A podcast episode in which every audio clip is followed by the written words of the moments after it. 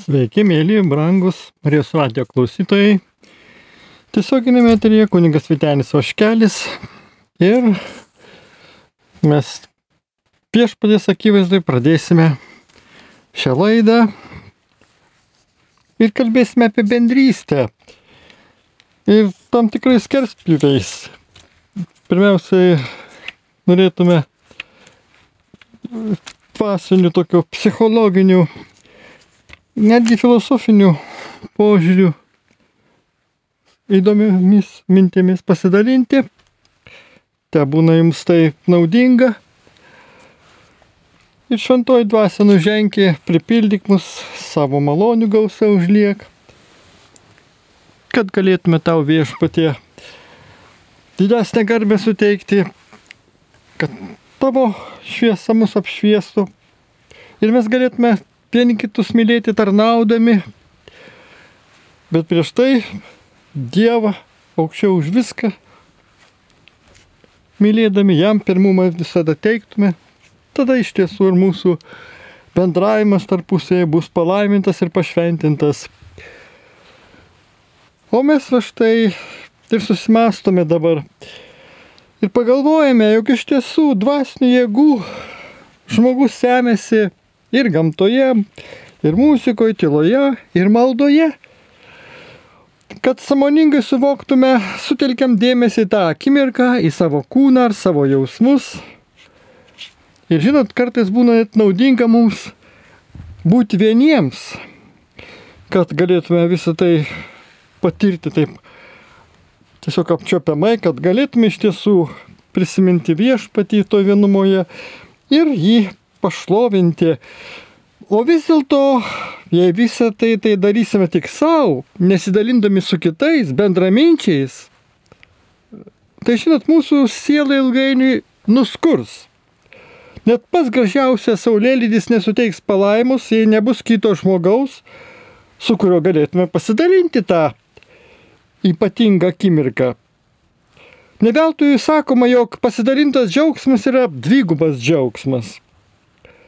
Lygiai taip pat su kitais pasidalintos dvasinio išgyvenimo akimirkų malonės mūsų gyvenime daug intensyvesnės ir teikia daug didesnį džiaugsmą ir pasitenkinimą. Kuo didesnė darna, tuo daugiau pasisėmėme dvasinių jėgų. Dabar dar paklauskime, kodėl bendrumas, artumas ir įsijautimas į kito asmens emocinę būseną Taip svarbu ir mūsų pačių psichikai. Štai evoliucinių požiūrių žmogui, kad išgyventų suprantama reikia gentainių pagalbos, paramos, giminės apsaugos. Mažų vaikų taip pat privalo pasirūpinti kiti. Aristotelis dar yra rašęs, jog žmogaus kaip socialinės būtybės gerai dvasiniai savijautai būtinas bendrumas su kitais žmonėmis. Taigi, išskirkim tam tikrus va štai mūsų mintis, mūsų pagaliau sąmonę veikiančius faktorius. Bendrumo jausmas, ar tai būtų bendros kelionės, bendri šventiniai pietus ir panašiai. Atsiradęs vidinis ryšys per tą bendrystę, paprasčiausiai žmogiška, ilgainiui gali imti stiprėti. Žinoma, galima ir, galima ir vieni intensyviai gyventi, kartais net samoningiau, nes tada giliai suvokiame ir sutelkiam visą savo dėmesį, bet šie išgyvenimai yra kitos kokybės. Kai žmogus vienas, jis užmesga glaudesnį ryšį su savo siela, o bendrumas sujungia sielą su kitais žmonėmis.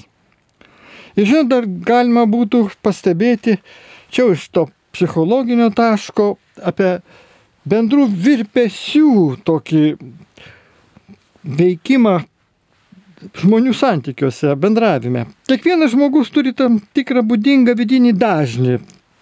Bendraudamas su tais, kurių bangų ilgis yra kitoks, dažniausiai jaučiasi net blogai.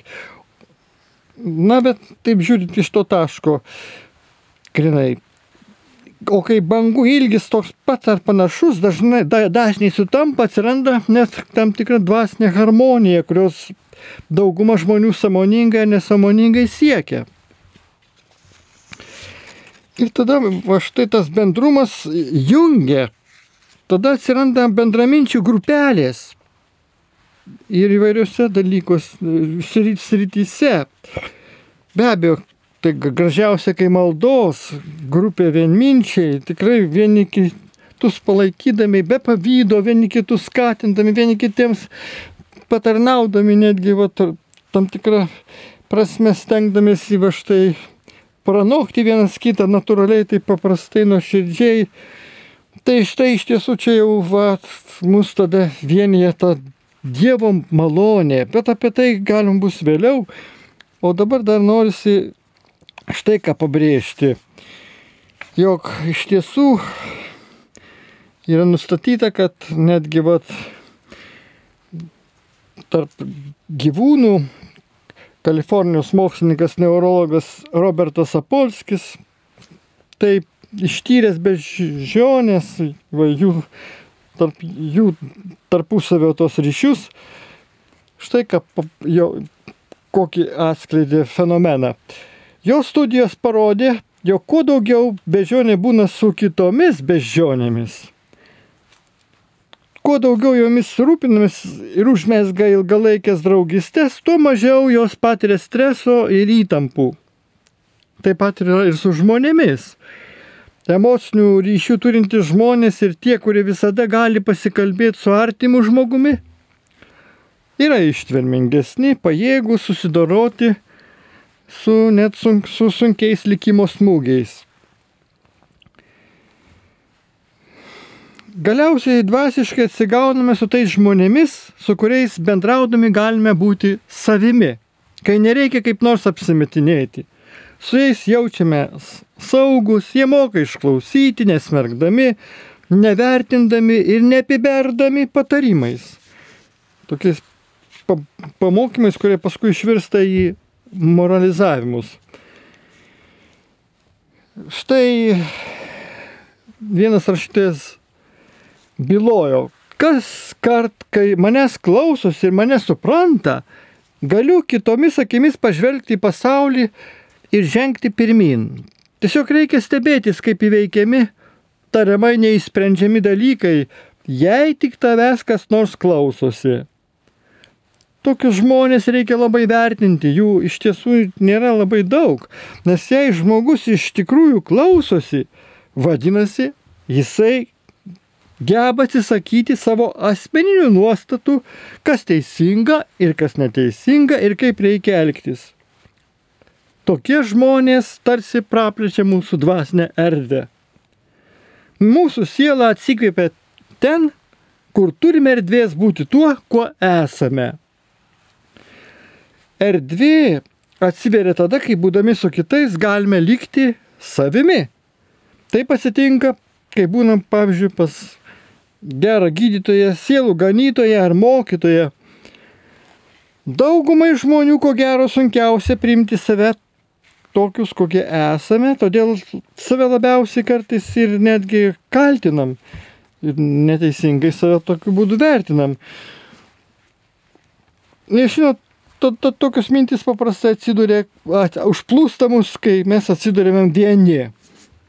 Taigi nuo to mus ir gali apsaugoti kitų žmonių empatija, gebėjimas įsijausti į kito žmogaus emocinę būseną. Dabar be abejo, nu, to, tokio daugiau psichologinio pasvarstymų, perinam prie dvasinio, prie krikščioniško požiūrio jau. Ir norėčiau pa, vienu pavyzdžiu ap, apie tai prabilti. Taigi, rašytojas Masonas, jisai liūdėjo apie savo išgyvenimą 1997 metų na, vieną naktį, kai važiavo su savo šeima kaimo vietovėje jis rašė, visiškoje tamsoje galėjome stebėti kometą Halė Bob. Pačią įspūdingiausią kometą, kaip jis liudijo, kokią sumatęs. Taip jau nutiko, kad tą pačią naktį buvo dalinis menulio užtemimas, taigi mes stovėjom ant apleisto kelio ir praradę žadą spoksojome į dangų. Koks nepaprastas reginys. Nepajutau, kaip pagavau save žiūrint į šeimos narius, susiglaudusius į krūvą ir galvojant, kad tikrasis šau vyksta čia žemėje. Mes patys, rašytojas, štai šitokią daro išvadą. Esame kometos, mes esame nulis ir žvaigždės. Mes esame ferverkai pritemdytoje visatoje. Būti šalia nuodėmingo žmogaus, žmonijos atstovo reiškia būti žymiai arčiau Dievo nei vienam žiūrint į žvaigždėtą dangų ar gražų saulėlydį. Mums neišeis mylėti saulėlydžio, mums išeis mylėti tik žmogų. Dievas meilė ir norėdami ateiti pas jį, negalime išvengti ėjimo per žmogų ar su juo net draugė. Nėra atskirties tarp dvasinio ir socialaus. Ką jaučiame žmonėms, tą jaučiame ir Dievui. Kaip elgiamės su žmonėmis, taip elgiamės ir su Dievu. Taigi kiekvienas žmogus, kurį sutinkame savo kelyje, yra Dievo atstovas mums. Jis, jis ateina surinkti tai, kas priklauso jam, viešpačiui. Ar mes užmokame, kas priklauso? Ar atiduodami nuolatinę meilę skol, skolą, kaip romiečių 13 skyriuje rašoma? Ar elgiamės su Dievo žmonėmis pagal civilizuotą, tam tikrą štai ekvivalentą, ar, igno, ar ignoruojame juos, pasitraukime nuo jų, sėdime ramiai juos teisdami, pateisintami savo meilės neturtą? Kiek kartų taip nepadarėte vienam iš šitų mažiausių, nei man nepadarėte. Jei laikau savo širdyje pykti kitam žmogui, argi nejaučiu tų pačių jausmų Dievui? Ir vien tik Dievui, bet ir, ir ne vien jam, bet ir kitiems žmonėms, įskaitant ir save. Bet koks negatyvus jausmas, kurį jaučiu kitam žmogui, yra jausmas, kurį jaučiu ir savo. Pykti ant vieno žmogaus reiškia pykti ant viso pasaulio. Jei ieškote atsakymo į klausimą, kaip man sekasi dvasiškai, tai reikia nukreipti mintis vieną žmogų savo gyvenime, su kuriuo sekasi sunkiausiai. Ir šis žmogus parodo, kur mano širdyje nėra susitaikymo su Dievu. Niekas taip negebės atidengti mūsų visiško bejėgiškumo, kaip kitas žmogus. Kitaip tariant, tam žmonės yra skirti. Mes nebuvome sutverti, kad būtume nepriklausomi. Veikiau priklausome vienas nuo kito, kad padėtume vienas kitam. Jei mums nepatinka galvoti, ką jaučiame kitam žmogui, tai dėl to, kad atsiskleidžia mūsų nepakankamumas. O taip, Dievas jau seniai žino apie mūsų šį nepakankamumą, o ar mes žinome? Jei tik galėtume pripažinti, kad esame priklausomi nuo kitų, o juk tai yra mūsų dvasinis meilės poreikis, būkime įsitikinę, tada mūsų asmeniniai problemų gneuštai atsilaisvintų. Juk ar netiesa, kad kiekvienos nuos problemos šaknis yra pažeistas žmogiškasis santykis? Nuodėmę galime apibrėžti kaip bandymą patiems įspręsti savo problemas, neieškant jokio santykio. Pasižiūrėk į žmogų, sėdinti šalia tavęs ir pasiklausk, kiek man reikalinga meilė? Ne vienas iš mūsų negalime būti arti Dievo, nebūdami arti žmogaus. Geras Dievo draugas negebės atsakyti žmonėms meilės. Ar myli Dievą? Pažiūrėk į žmogų šalia savęs ir žinosi atsakymą.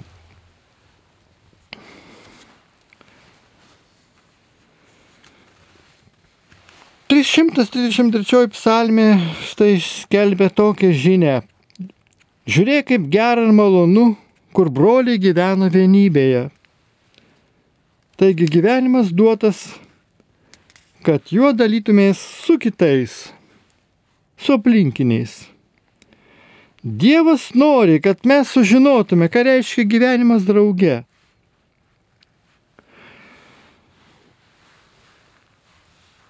Šventasis raštas tą patyrimą vadina bendravimu.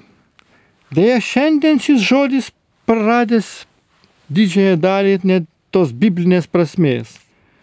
Bendravimu šiandien dažnai įvardymas paprasčiausias pokalbis, pobūvis valgymas ir pasilinksminimas. Klausimas, kur vyksta jūsų bendravimas, reiškia, kur jūs lankote bažnyčią. Kvietimas po pamaldų pasilikti bendravimu dažnai reiškia kvietimą kartu išgerti arbatos. Ir tai yra nėra blogai, bet vis dėlto yra aukštesnis bendravimo tarpusavį, tarp, tarp tikinčių ir lygmuo. Tikrasis bendravimas tai gerokai daugiau nei vien pasirodymas šventų mišių metu, pasimeldimas. Jis reiškia gyvenimą drauge. Jis apima nesavanaudišką meilę, ir sažiningą dalyjimąsi, ir praktinį patarnavimą, ir paukojimus, ir nuoširdžią paguodą, ir visus kitus Naujajame testamente randamus įsakymus, nusakančius, kaip turime elgtis vienas su kitu. Taigi, kalbant apie bendravimą, svarbus yra dydis. Kuo mažiau, tuo geriau. Šlovinti galime draugė su visa minė, tačiau neįmanoma su ją bendrauti. Taip, gali šitalies tas bendravimas vykti, kai štai skelbiamas Dievo žodis ir tai daro misionierius, pavyzdžiui, kur svetur, tai yra tas grįžtamasis toks dvasinis ryšys, žmonės klauso ir įsiklausydami su viešpačiu gali bendrauti arba netgi ir melsis už tą, kuris kalba, kad dar sėkmingiau to tiesą sėjama žodžių sėkla Kristų į klausančiųjų širdis. Bet vis dėlto mes prisiminkim patį viešpatį Jėzų, kuris įsirinko 12 to paštalų ir su jais bendravo. Iš vien jiems atvėrė savo Dievo karalystės slėpinius, jie daugiausiai gavo to atgamtinio mokslo žinių. Ir tai visa iš tiesų tapo raugų didžiosios bažnyčios įsiplėtimo pasaulyje per grupelę, per va štai šitą apaštalų pasiaukojimą šventai dvasiai nužengus ant jųjų. Kai tik grupė peržengia dešimties narių ribą, kuris nors jau liaujasi dalyvavęs, dažniausiai tai būna tyliausias žmogus ir grupėje ima dominuoti kiti keli žmonės. Na taip, Jėzus tarnavo su nedidelė palyginti mokinių grupe, jis galėjo pasirinkti daugiau, tačiau žinojo, kad 12 yra ko gero daugiausia, kiek gali būti žmonių grupėje. Viešpatės Kristaus kūnas, kaip ir mūsiškis, sudarytas iš gausybės mažyčių lastelių. Kristaus kūno, kaip ir jūsų gyvybės lypi tojose lastelėse. Todėl krikščionis savo bendruomeniai turi dalyvauti. Maldos, pavyzdžiui, grupės veikloje ar moteris pasimelsdamas su savo vaikus ir šeimas, pavyzdžiui, motinų maldoje grupėje ir panašiai. Būtent čia vyksta tikrasis bendravimas, o ne gausiuose susirinkimuose. jei savo bažnyčią įsivaizduojame esant kaip laivą, tai nedidelis grupelės yra kaip prie laivo pritvirtintos gelbėjimosi valtys. Ir Dievas nedidelėms tikinčiųjų grupė, grup, grupėms, tiems bureliams yra palikęs nepaprastą pažadą. Kur du ar trys susirinkę mano vardu, ten ir aš esu tarp jų. Tačiau net dalyvavimas mažoje grupėje neužtikrina, kad patirsime tikrai bendravimą. Reikia kažko daugiau. Nuo širdį bendrystė nėra formalus paviršutiniškas koks pasiplėpėjimas. Tai nuoširdus dalymasis iš širdies į širdį, kartais atveriant net pačias lapščiausias širdies kertes. O tai būna tada, kai žmonės sažiningai prisipažįsta, kokie jie yra ir kas vyksta jų gyvenime. Jie drąsiai, be abejo, išlaikydami konfidencialumą, dalysi nuoskaudomis, atskleidžia savo jausmus, išpažįsta nesėkmes, išsako bejonės, pripažįsta savo baimės, silpnybės ir prašo pagalbos bei maldos. Nuoširdumas yra visiška priešingybė to, ką kartais galime pastebėti bažnyčiose. Na tai būna, kad žmonės ir mm, dėvi tas kaukės, saugosi, elgesi taip, lik jų gyvenime viskas rožėmis klota. Taip, tada iš tiesų sunkiau su tokiais žmonėmis melsis, kai vat, kartais vat, pasireiškia tas žmonių negatyvas, tas trukdys, tas, ką, ką reikia atiduoti į Dievo šviesą, prašyti išgydymo, vidinio išlaisvinimo, kad ateitų tikrai ta ramybė ir taika į tą grupelį, visus jos narius. Taigi tik atsivėrę patiriame tikrąją bendrystę. Neveltui šventasis raštas byloja, Jei vaikščiojame šviesoje, kaip ir jis, viešpas yra šviesoje, mes bendraujame vieni su kitais. Jei sakytume, jog neturime nuodėmės, klaidintume patys save. Pasaulis mano, kad tas intimus bendravimas vyksta tamsoje. Tačiau Dievas sako, kad jis vyksta kaip tik šviesoje. Tamsoje slepiamos nuoskaudos, kaltis, baimės ir įdos. Tačiau šviesoje visą tai atvirai parodome ir pripažįstame, kokie esame iš tiesų. Iš tikrųjų. Be abejo, būtino širdžiam reikia ir drąsos ir nuolankumo.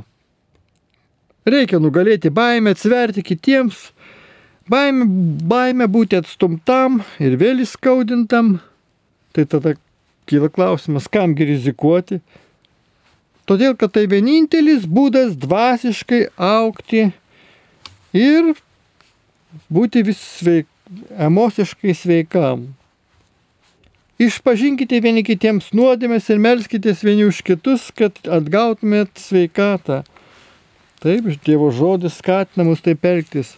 Mes augame tik tada, kai tam tikrą prasme rizikuojame, o didžiausia rizika tai būti sažiningam su savim pačiu ir kitais. Abipusiškumas tai menas duoti ir priimti, tai tarpusavio tam tikra priklausomybė. Dievo sukurti mūsų kūnai yra mums pavyzdys padedantis suprasti, kaip mes Bendryje turime gyventi drauge. Visi nariai priklausomi tarpusavyje. Ir abipusiškumas yra tam tikra bendravimo šerdis. Mes užmega, užmesgam tarpusavio santykius, dalymės bendrą atsakomybę, padedam vieni kitiems. Visų mūsų tikėjimas tvirtėja, jeigu draugė su mumis tuo keliu eina ir mus padrasina kiti mūsų bendražygiai. Šventasis raštas įsako būti atsakingiams vieniems už kitus vienas kitą padrasinti, vienas kitam patarnauti ir vienas kitą pagerbti. Daugiau nei 50 kartų Naujasis testamentas liepia mums ką nors daryti vienas kitam arba tarpusavyje. Biblijoje skaitome, laikykime to, kas pasitarnauja santaikai ir tarpusavio ūkdymui. Jūs, galima sakyti, nesate atsakingas už kiekvieną Kristaus kūno bažnyčios narį, jūs esate atsakingas jiems. Dievas ragina padaryti viską, ką galite, kad jiems padėtume. O štai čia jau pasireiškia gailestingumas, jau kaip meilės motina, tam meilės motinos, va, sunus, gailestingumas. Nereiškia, kad turim duoti toj patarimą ar siūlyti greitą, trumpalaikę pagalbą, nors kartais ir šitai neišvengiama.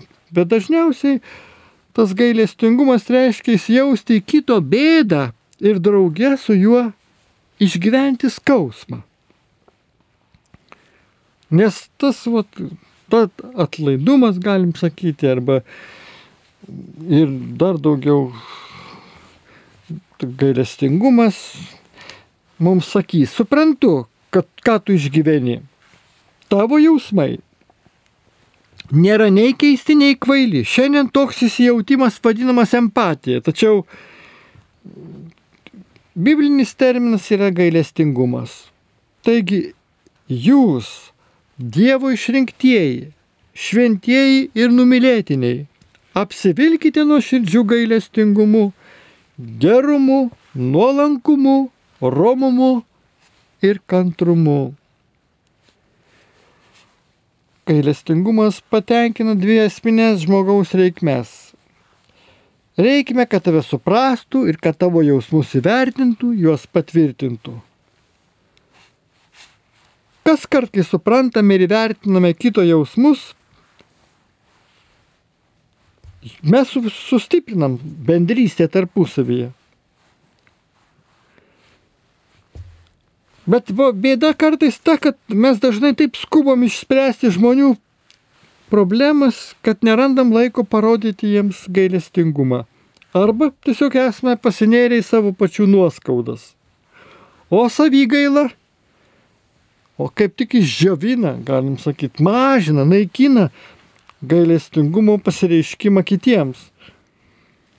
Ir egzistuoja skirtingi bendrystės lygmenys ir kiekvienas jų tinka skirtingai situacijai.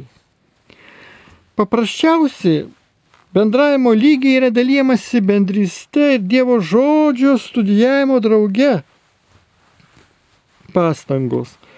Kiek gilesnis lygmuo yra jau tarnystės bendrystė. Pavyzdžiui, kai drauge tarnaujame misijos kelionėse ar labdaros projektuose. O pats giliausias ir intensyviausias lygmuo yra kentėjimo bendrystė. Kai įsijaučiame į vienas kito skausmą ir sielvartą, bei nešame vieni kitų naštas. Geriausiai šį dėmenį supranta tie krikščionys visame pasaulyje, kurie yra persiokėjami, niekinami, ir dažnai nukankinami dėl savo tikėjimo.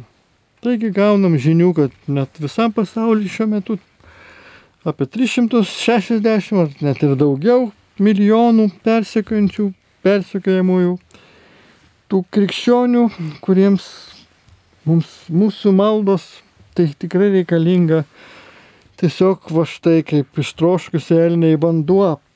Tad čia proga tikrai norėtųsi net ir pertraukti tą štai apmąstymą ir sakyti viešpatie, prisimenant šią valandėlę visus ir patyrusius neseniai prieš kelias dienas Turkijoje, Sirijoje žemės drebėjimo baisumus, tos pasiekmes, nes kur, tie, kurie išgyveno, kurie labai sužeis, buvo sužeisti ir jau gal kiti ir miršta net ligoninėse, tai iškeliauja viešpatė ir kurie iškeliavo pas tave, dėl tų patirtų bėdų, nelaimių, patirdami tavo gailestingumą, gailestingumo apstumą amžinybėje.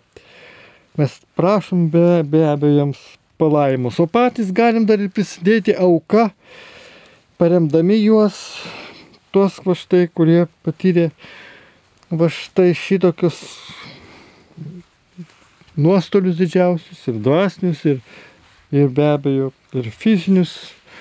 Ir mes prašom pagalbos, kad va štai palaipsniui vėlgi atsikurtų tas gyvenimas, tas bent jau minimalus, kuris galėtų patenkinti jų visas reikmes, ypač būti ir, ir aišku, ir kad Dievas jiems būtų atrama, viešpatė pasigailėk jų be abejo tą progą ir mes pasimeldžiame ir už Ukrain, Ukrainoje kenčiančiosius persikėjimus, ypač žudomus tuos žmonės, kurie va štai patiria okupantų žvėriškumą, tą, o mes melžiamės ir už jų atsivertimą, už Rusijos žmonių, taip pat ir už tų, kurie pakir, pa, turi patirti didžiausią kančią, kad ne, ne, ne, ne, nesiūstų kokius prakeiksmus tiems savo būdėliams, bet vis dėlto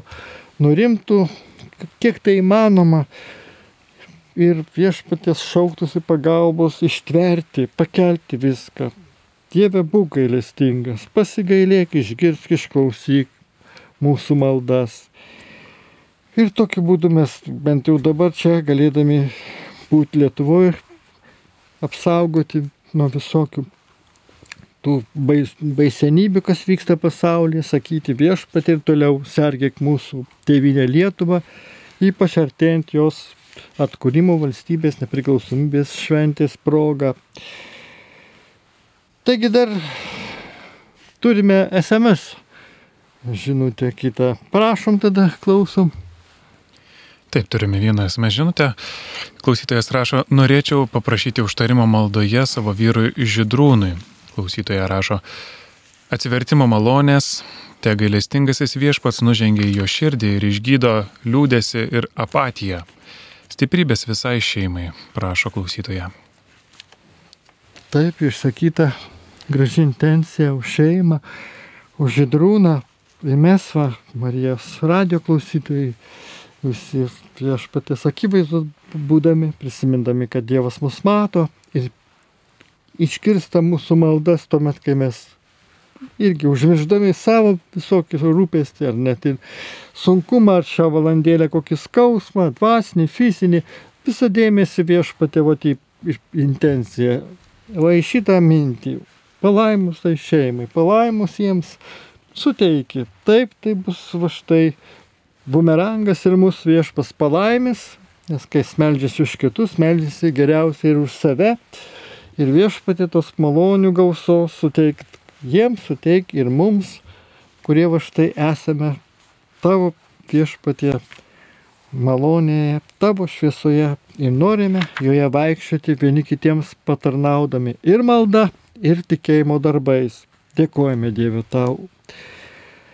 Tad neždami vieni kitų naštas, įvykdydami Kristaus įstatymą, mes galiausiai va štai iš tiesų vykdom Evangeliją, prisidedam prie viešpatės Jėzus Kristaus to didžiojo troškimo, kad jo tikrai Dievo karalystė jau įsiplėstų tikinčių širdise, kad ir po truputį, bet vis dėlto auktų.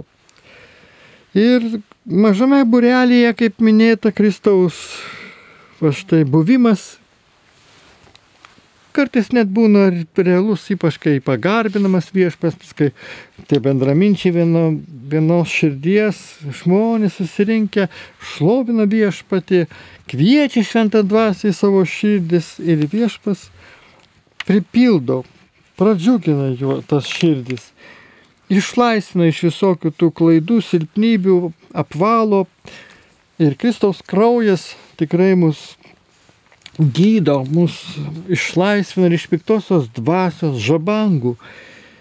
Ir tada kaip prisiminam Jobą, jo kančioje, kai jisai šaukėsi, bėdoje kaip ši man reikia ištikimų bičiulių, ar būčiau atmetęs visagalio baimę, ar ne. Taigi, vieni kitus palaikydami šito žemiško kelionė, vieni kitiems gero linkėdami, vieni už kitus melzdamėsi, mes tikrai artėjame viešpatė prie tavo mylinčios širdies. Ir tai drauge darome. Šis va štai ratas mažėja.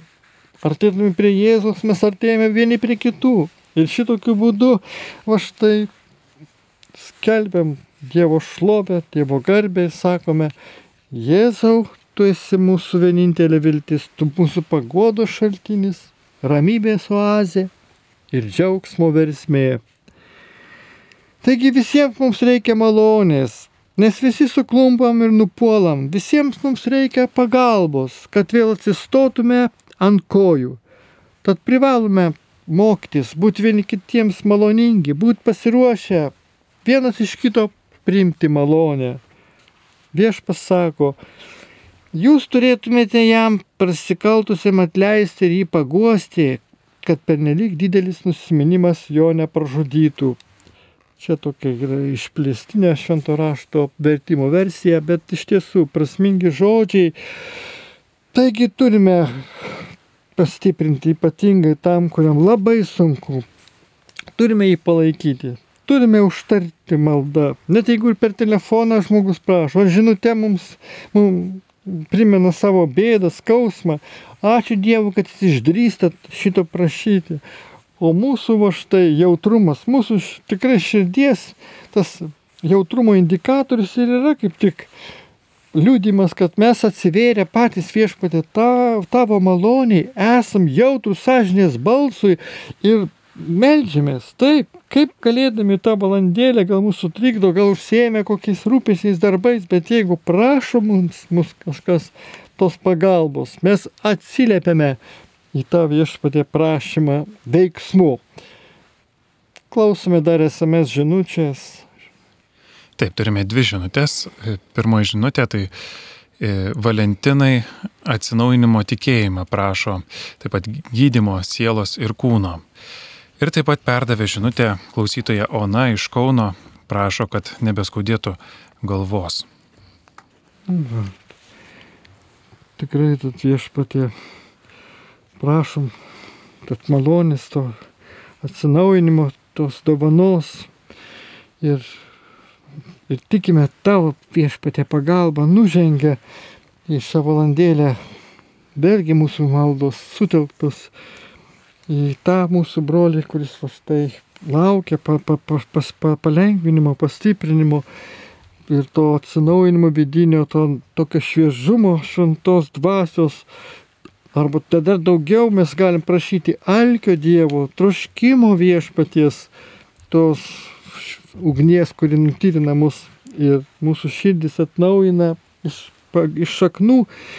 Na ir taip pat ir, ir taivai, pat ir Dievo malonės, galvos skausmo sumažinimo, nes kartais tai irgi trikdo, o svarbiausia, iš kai išklauso viešpats mus, mes dėkojame už tai, kad atrodo mažesnė palyginus mūsų sveikatos negalę problemėlė, bet va, dar kaip tik lengviau prašyti, drąsiau mes galim melstį, va tokiose situacijose ne iš karto ieškoti vaistų, bet va, ar kažkokiu tai piliuliu gert nuo galvos, ar nuo kažkokios gal gerklės sopėjimo, kai mus vasuima ta tokia maža, maža bėdelė, bet mes va štai viešpatė tave prisimenam. Tai čia tam, jeigu tai tampa įpročiu, va, to, su tavim pabendrauti ir, ir iš tavęs laukti atsakymo ir prašyti, kad tu mus pris, gydytum, prisiliestum. Taip, tada mes viešpačiui teikiam pirmenybę, pirmumą. O gal jis ir sakys, va, primins, kad reikia gal ir pas gydytoją nuvykti, nes čia va štai šiuo atveju toks nuolankumas, klusnumas irgi, nes jeigu buvo atidėliojami kartais, dėl tam tikros baimės pas medikus nueiti, va būtinumas toks buvo atidėta, gali malonė Dievo ir paskatinti tai padaryti, bet vis tiek visada pirmiausia prašome viešpatie tavo išgydymo, tavo malonės laukiam, tavo va štai žaizdomis esame išgydyti. Todėl pirmiausia į tave kreipiamės, nes tu esi tikrasis mūsų visų širdžių, mūsų kūnų gydytojas. Tau Dieve šlovė ir garbė per amžius. Taigi, dar SMS žinia, prašom. Taip, turime klausimą. Garbė Jėzui Kristui. Ačiū už nuostabią laidą apie draugystę su Jėzumi. Kokia ji turėtų būti, kaip ją stiprinti, tą draugystę su Jėzumi, klausė klausytojas. Tai štai, nuo to klausimo kelimo, jau pats faktas, kad jūs taip klausėte, čia tiesiog be abejo trumpai atsakysime, nes to laiko ne per daug. Bet iš tiesų jau yra vadinasi vidinis noras. Tai Dievo malonės pirmiausia veikimas pasireiškia. Ne mes va štai kažkokią rodom iniciatyvą, ieškodami viešpatės veido, bet visada Jėzus mums duoda tą dovaną. Jis pirmas žengia žingsnį, jis mūsų kūrė, jis mūsų atpirko, jis dabar mums šią valandą sako, atverk, brolau, savo širdį viešpatė, viešpačiui man ir kvies mane, šaukis jojo ir aš ateisiu ir būsiu, būsiu išklausytas ir palaimintas. Ir skaityk Dievo žodį, melskis, bendrauk su kitais, vat, skelbk, liūdik viešpatį pagal galimybės, pagal situacijas. Ir aišku, būtinai šventai raštą skaityk su komentarais ir tą pačią mūsų Marijos radijo, va štai tikrai laid, palai, laidas klausyk jos. Tai va ir, ir, ir panašiai.